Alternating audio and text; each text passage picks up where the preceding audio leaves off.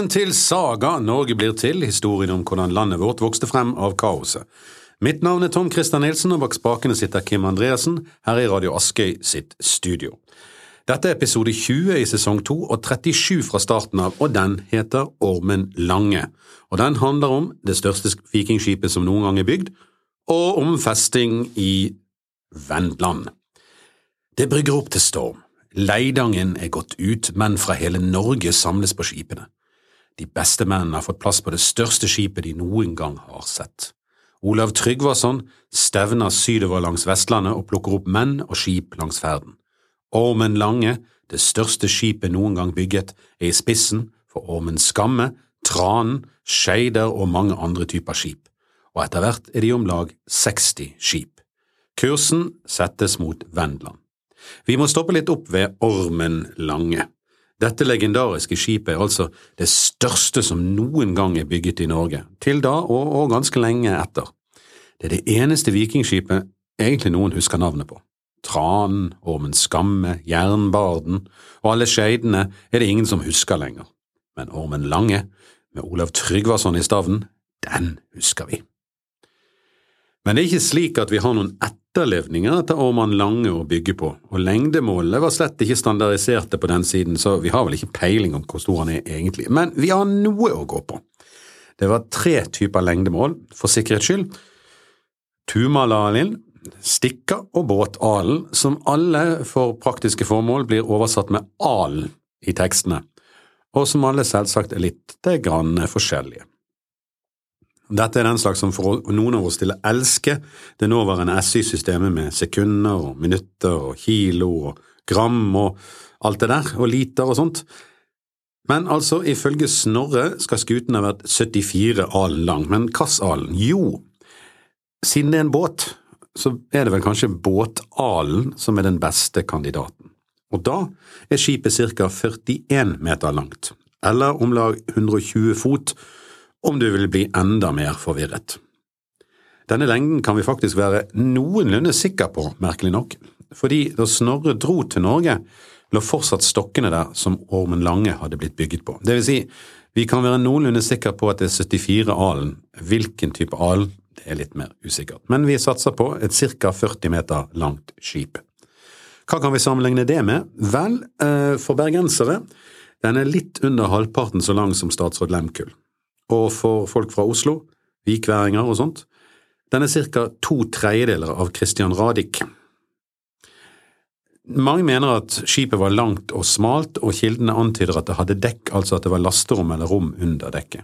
I tillegg var skipet bygget litt spesielt, noe som antyder at Olav i alle fall var kjent med byggeskikken lenger sør i Europa. Tradisjonelt har jo vikingskip planker som ligger på en måte over hverandre, men dette skipet hadde sannsynligvis falsede planker som skapte inntrykk av et slett skuteside. I tillegg var det store trær og planker som var blitt brukt.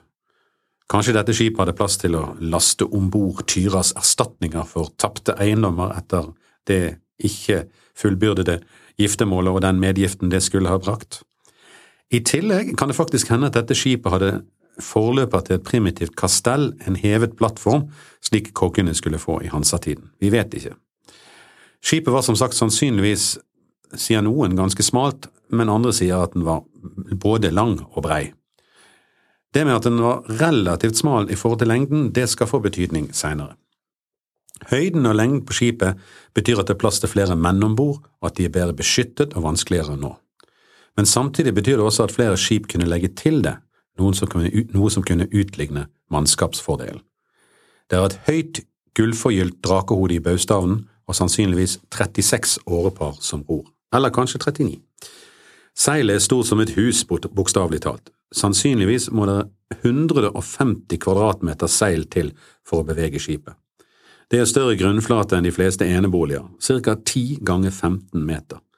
Det krever 115 kilo ull fra 225 sauer og noe sånt som 2000 dagsverk for å veve. Det er i sannhet et imponerende skue. Ingenting flytende er like stort i denne tiden. Men her er en liten utfordring. Et skip så stort, selv med et så stort seil, og da bare ett seil, blir noe tregere i vannet enn de små, raske vikingskipene. Måten det er bygd på, betyr òg at det ikke på samme måte som vikingskipene har en eh, hydrodynamisk utforming, vil si en utforming som gjør at det går kjapt i vannet. Det går noe tregere, sannsynligvis. Det kommer til å bli et problem. Hvorfor heter ormen? Ja, det er selvfølgelig flere forklaringer på det.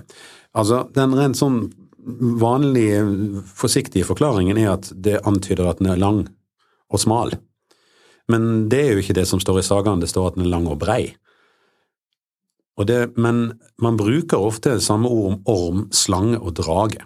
Og Dette har sterk symbolsk og mytologisk betydning. Ormen eller dragen er farlig og mektig, som lindormen eller midgardsormen om du vil. Vi vet derfor egentlig ikke om det var ormen Lange eller dragen Lange som nå seilte. Var det dragen, så var det kanskje fordi Olav beskrev den båten han tok som krigsbytte fra Rød Ramme i siste episode, som at den med seilene oppe kunne, gå, kunne seilene gå for å være vingene på dragen altså en drage. I den historien antydes det jo også at Olav gir den skuten som han stjeler, og, og, og som han nå oppkaller Ormen Lange etter, gir den navnet Ormen fordi det var med en orm de drepte Raud. En annen historie er enda mer fantastisk, det er denne. Når de skal bygge Ormen Lange, får de et problem. De trenger et sabla langt tre. Kjølen skal strekkes, og de finner rett og slett ikke et tre som er høyt og langt og rett nok i de trønderske skoger. De leiter og leiter både i Namdalen og i Guldalen og i Trondhjem, som ikke fins, men der er ikke noe skog, så der finner de ingenting. Men så en dag kommer en morsk, enøyd mann og spør dem ut om byggingen. Det viser seg at han har et tre. I praksis, sånn som det fortelles, så ser det ut som han har et enormt digert tre på slep etter en robot en, eh, kanskje ikke en bitte liten robot, men iallfall en bitte liten båt i forhold til det store treet. Et gigantisk tre etter en robot. Litt mystisk, dette her. En fyr som plutselig dukker opp med et digert tre på slep etter båten sin. Helt sånn tilfeldig akkurat når man trenger det. Mannen presenterer seg som Forne fra Trøndelag. Ja, Forne. Hm. De undersøker treet, disse som skal bygge skipet, og ser at ja, men her er det akkurat det kjempetreet de trenger. Akkurat riktig størrelse, akkurat riktig kvalitet. Men eh, hva skal Forne ha for, for treet? Altså, han er jo en posisjon der mm, kongen skal ha en skip, kongen trenger et tre, de har ikke noe tre. Dette kan han få godt betalt for. Nei, nei, nei, nei, kongen kan betale ham når han vil. Rare greier. Når Olav hører dette, kommer han ned for å se på treet. Som ved en innskytelse tar han frem sverdet og hugger i treet for å sjekke litt og ut av treet kryper den største huggormen noen har sett. Da skjønner de at det var Odin som hadde forsøkt seg igjen. Han hadde gitt de et tre med en diger huggorm i, sånn at det skulle gå galt med byggingen og noen skulle bli drept av ormen, eller rett og slett at treet skulle bli ødelagt. Vet du hva, snart må disse menneskene som er rundt Olav slutte å slippe inn enøyde gamle menn med store hatter og stokk og mystiske egenskaper Eh, det var ikke første gangen, det, men det blir kanskje siste. For nå må de jo ha lært. Men treet det er godt nok, og kjølen fra dette treet som Odin ga til Olav, det blir kjølen på ormen Lange. Derav navnet Ormen, på grunn av ormen i treet i kjølen på skipet. Ellers så var det som sagt bare fordi skipet var litt langt og smalt. Det høres lite sannsynlig ut egentlig det siste, like lite sannsynlig ut det siste som det første, fordi skipet blir beskrevet som langt og bredt, som sagt. Uansett. Nå går det greit med byggingen med Odins tre, helt til de kommer til toppen av relingen. Etter at siste planke er på plass, våkner skipsbyggerne opp neste dag til at noen har hugget hakk i hele relingen. De bærer seg fælt, og kongen kommer til. Skipet er jo ødelagt eller skamført, dette ser jo helt forferdelig ut. Kongen reagerer som vanlig, han blir rasende og løver død og fordervelse over den som har gjort dette. Det viser seg å være en Torberg Skavhogg. Han har ikke noe problemer med å innrømme det heller. Og det er ting som tyder på at han fikk navnet Skavhogg etter denne hoggingen. Torberg innrømmer det, og går så opp og hugger rælingen bein og fjerner hakkene. Mest sannsynlig er det planen han har hatt hele tiden. Torberg har sett at bordene er ujevn, og på den måten har han nå gjort klart for å hugge det beint. Alle er enige om at dette ser mye bedre ut, og i stedet for å miste livet blir han utnevnt og, og forfremmet til sjef for byggingen. Nå er ormen Lange endelig klar etter at toppbordene er hugget beint, og den settes på vannet. Dronning Tyra og Olavs søster lastes om bord, og Tyra ser ut til å ha sluttet å gråte og begynt å spise, nå som Olav gjør som hun vil. Olav tar seg god tid sørover langs Vestlandet for å vise frem skuten til folket sitt. Ved Moster, sør i Hordaland, legger de til, og her skjer noe som er blitt en gjenganger i denne historien om Olav Tryggvason. De hilser på en spåmann. Han er blind, selvfølgelig, som de stort sett er, og Olav tar med noen av mennene sine opp til han. De spør den gamle hva han kan fortelle om kong Olav og hæren hans, og igjen så er det sånn at siden han er blind, så skjønner han ikke helt at det er kong Olav han snakker til. Så han setter i gang. O stor ulykke venter Norge for kongens bortferd, fire ting vil vi miste som er de mest høyverdige i landet. Dette høres ikke så sabla bra ut. Hva er det vi mister? Det første er en slik konge som vi aldri har hatt, Olav Tryggvason. Det andre er hans dronning Tyra. Aldri har vi hatt en kvinne med slik vett og slik godhet i Norge. Det tredje er skipet til kong Olav, ormen lange, så stort og vakkert skip ingen har sett. Og det fjerde er Olavs hund Vige, klokere og bedre enn noen hund i landet. Eh, ja, Altså, den fjerde ulykken de, de, tre første de skjønner jeg, men den fjerde ulykken, den med hund Ja, ok, det er en hund, vel, vel. En, en, en eksepsjonell hund som Olav er ganske glad i, eh, så, så, det kan være det, da. Det var harde bud, dette. Olav liker det ikke, og sier til mennene sine at de skal gå derifra. Og da skjønner jo den synske på et eller annet vis at det er kongen han snakker til, og forsøker på litt finurlig vis å redusere det han har sagt, men ikke helt. Sannsynligvis i redsel for kongen. Slik går det med de fleste gamle, at de ikke bare svekker synet, men all tankekraften, sier han. Men han legger til, nå vil dere sikkert ikke legge så mye i fleipingen min, mm, selv om det andre hadde vært bedre. Med andre ord, dere kommer nok ikke til å bry dere om hva jeg har sagt, men dere burde gjøre det. Frempeiket er tydelig, han spår kongens, dronningens og hundens død og ormen Langes endelikt, om ikke forlis. Olav han lytter, men seiler videre. Denne gangen tror han ikke på spåmannen. I Rogaland blir det holdt bryllup der hans andre søster Ingebjørg, som er med på båten, blir giftet med Ragnvald Jarl Ulfsson fra Jøtaland. Jøtaland? Sigrid Storrådes rike? Altså, han gifter sin søster med en fra riket til hun han slo i ansiktet med en hanske, og som nå forsøker å drepe han? Hva er det som foregår her? Det er ikke godt å vite, men søsteren eh, blir i hvert fall godt gift, og med det setter Olav Tryggvason kursen over Skagerrak og gjennom Øresund med sine 60 skip. På begge sider av Øresund går ryktene, og Sigrid Storåde egger sin mann Svein Tjugeskjegg og sin sønn svenskekongen. Erik Jarl er like ivrig i sitt eksil i Svitsjod. Olav setter kursen inn i de trange sundene mellom Danmark og er egentlig mer Danmark, for Skåne er jo dansk på denne tiden, men svenskene har en liten flik ut ved Gjøteelv, eller bare elv, som det kaltes da. Bufferstat mellom Norge og Danmark, det var svenskenes funksjon på den tiden. Det er ikke så ulikt det det er i dag, for så vidt. Mens ryktene går som ild i tørt gress på begge sider av de danske sund, seiler Olav og Ormen Lange ufortrødent videre. Fiendene er i ferd med å samles, og så skjer det. Ingenting. Ikke noe i det hele tatt. 60 skip med en håndfull av de største skip noen har sett, seiler rett gjennom Øresund og sørover mot Vendland uten at noe som helst skjer. Ingen angrep, ingen forsøker å stoppe dem, til og med tollerne i Øresund er forduftet mest sannsynlig, og den danske kystvakten er ingen steder å se. De seiler bare rett gjennom daneveldet. Ingenting å se her, bare noen kjempedigre skip med hundrevis av krigere om bord. Helt greit.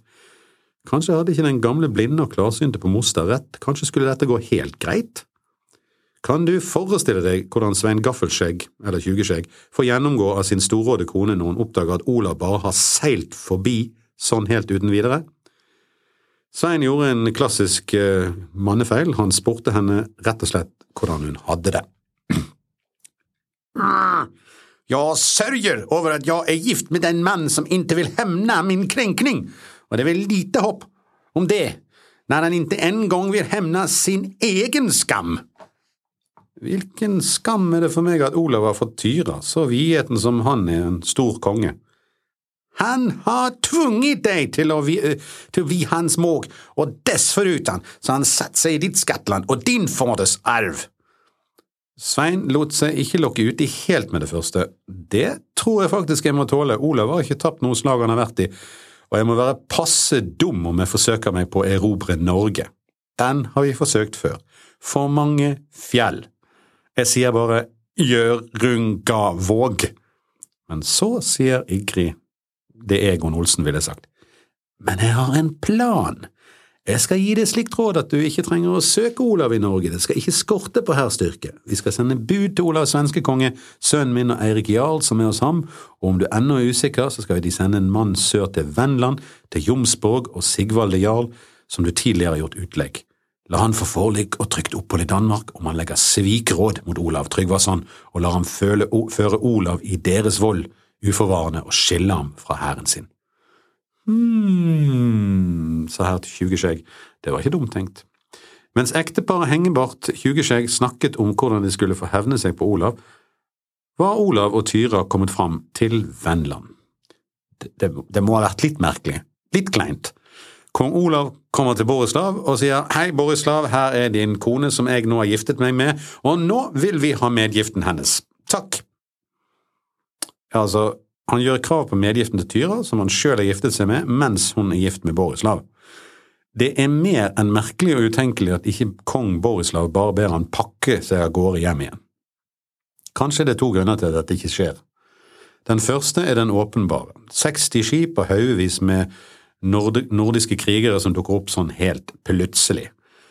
Den andre er kanskje også viktig. Olav har jo sjøl noen eiendommer i Vennland fra sitt gifte med Geira. Det er ikke godt å vite hvilke eiendommer det er han får betalt for der i Venland, men alle kilder er enige om at dette går usedvanlig glatt og greit.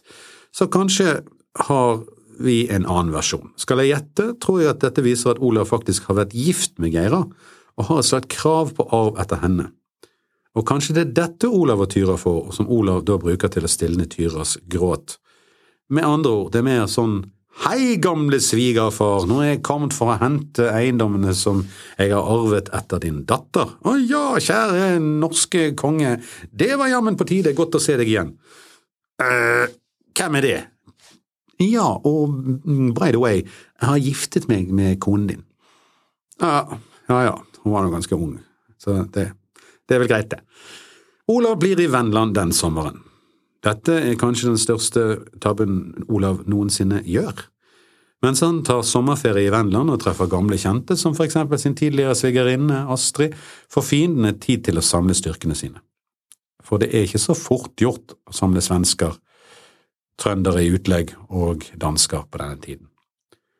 Så for å sikre det så dukker den berømmelige Sigvalde Jomsviking opp i Vendland. Du vet han som ledet jomsvikingene, kidnappet danskekongen, rømte fra slaget i Hjørungavåg uten en skramme, i det hele tatt en litt uggen fyr, og han er jo til alt overmål gift med Astrid, Olavs før dette svigerinne, og han er utvist fra Danmark, og han har nå fått lovnad om å komme tilbake til Danmark og eh, gårdene sine i Danmark, hvis han klarer å holde Olav i Vennland lenge nok. Det oppdraget har Sigvalde tatt. Han kommer nå på besøk og gjør seg til venns med Olav. Og han gjør sitt beste for å trekke ut tiden for Olav så mye som mulig. Det er jo det som er oppdraget hans for å få lov til å komme tilbake til Danmark. Han trekker og taler ut og haler ut og haler ut og overtaler og lurer. Nei, men Olav, skal ikke vi dra på jakt? Det er fantastisk jakt der borte. Olav, skal ikke vi en, ta en fisketur? Olav, kom, vi drar ned over til denne byen der og ser på jentene som bader. Kom igjen, Olav, vi, vi må ta en ridetur. Ja, også du, husker du den byen du brente helt ned? Kan ikke vi ta oss, kan ikke du vise meg den? Kom igjen, så tar vi en tur dit. Og... Ja, der borte var det jo en annen by, litt lenger vekke, som du, kan ikke du vise meg den? Og sånn går nå dagene. Han trekker og haler ut. Så lang tid går det at hæren til Olav, Leidangshæren fra Norge, begynner å bli sabla utålmodig og ganske lei av denne Sigvalde og alle de turene han og Olav skal ta ut i skauen i Vendland. De vil hjem. Olav har fått skattene han var ute etter, Tyra har fått sin medgift, begynt å spise og sluttet å gråte, og snart kommer høsten og det er avling som skal i hus hjemme. Uroen begynner å bre seg. Olav merker uroen og begynner å gjøre seg klar til å dra. Sigvalde trekker og drar, og det blir nye campingturer ute i skauen, men nå får Sigvalde beskjed om at danskekongen og hans allierte har samlet seg, så nå kan han la Olav reise, og nå får pipen en annen lyd. Istedenfor å trekke ut, så tilbyr han seg nå å komme av gårde og hjelpe til ham med å komme av gårde, og han tilbyr å seile med med sine ti skip, ja, alt, bare for å få Olav av gårde fra Vendland. Det kan også være en annen grunn til at Olav har blitt i Vendland. Han ser ut til å komme godt ut av det med sin svigerinne, Sigvaldes kone Astrid. Nå er det hun som kommer og advarer han om at noe er på gang. Det kan se ut som hun eller noen fra Vendland også følger med Olav, i alle fall er det et vendisk skip som også blir med når Olav drar. Han har hatt en flott sommer, men ved en øy som kalles Svolder, eller munningen av en elv, ingen vet egentlig, ligger fienden nå på vent. Olav drar av, sted med sine 60 skip, forræderen Sigvaldes ti skip og et lite, mystisk vendisk skip. Hvordan dette går, får du høre mer om i neste episode av Saga Norge blir til. Du kan sende kommentarer eller spørsmål til tom.krister.gmail.com. Jeg er Tom Christer Nilsen, og bak spakene har Kim Andreassen satt.